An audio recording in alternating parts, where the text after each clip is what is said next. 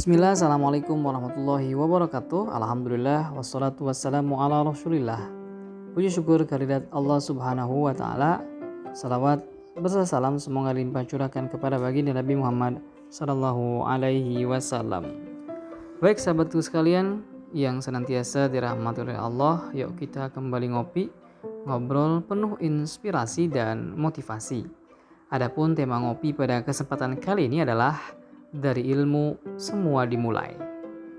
Siapa yang tak mencintai ilmu, maka keislamannya dipertanyakan. Sebab ilmu merupakan instrumen yang akan mempercepat laju seseorang menuju kesempurnaan imannya.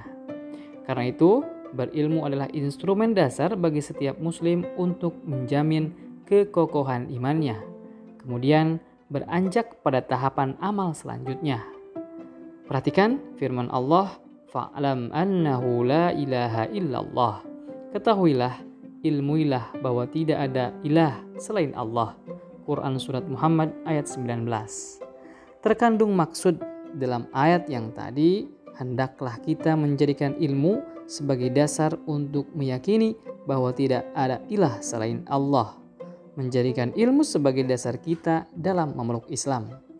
Maka bagi seorang muslim jika ia terus bersemangat menambah ilmu, itu karena ia sadar bahwa itulah upaya untuk memperkuat keimanannya.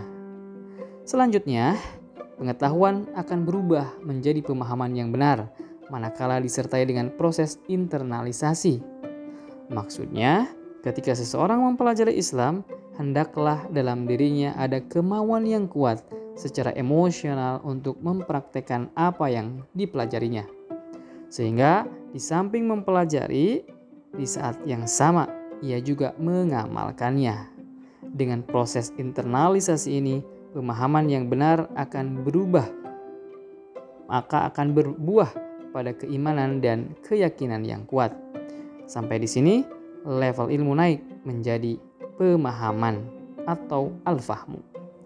Jadi, sahabatku sekalian, al-ilmu adalah mengumpulkan informasi dan pengetahuan, sedangkan al-fahmu adalah menyusun kumpulan informasi tersebut dalam kerangka yang benar.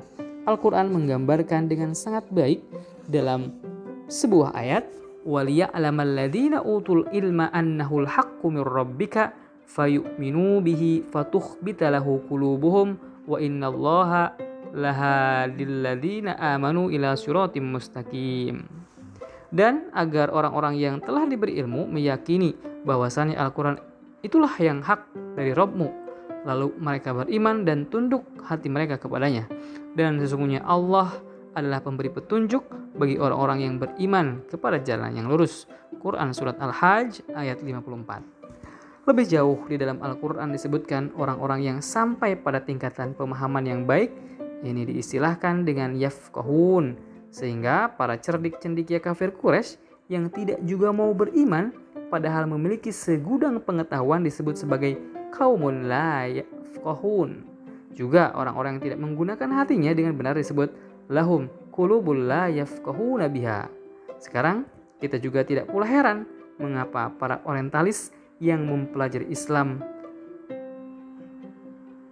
dalam secara dalam tidak juga menjadi muslim sebab seperti kata mereka sendiri, mereka menjadikan Islam sebagai ilmu, bukan sebagai keyakinan. Dengan berbekal pemahaman yang benar, diharapkan seorang muslim bisa semakin kuat keyakinannya dalam memeluk Islam. Itulah sebabnya Allah berjanji akan mengangkat derajat orang-orang yang berilmu lebih dari yang lain.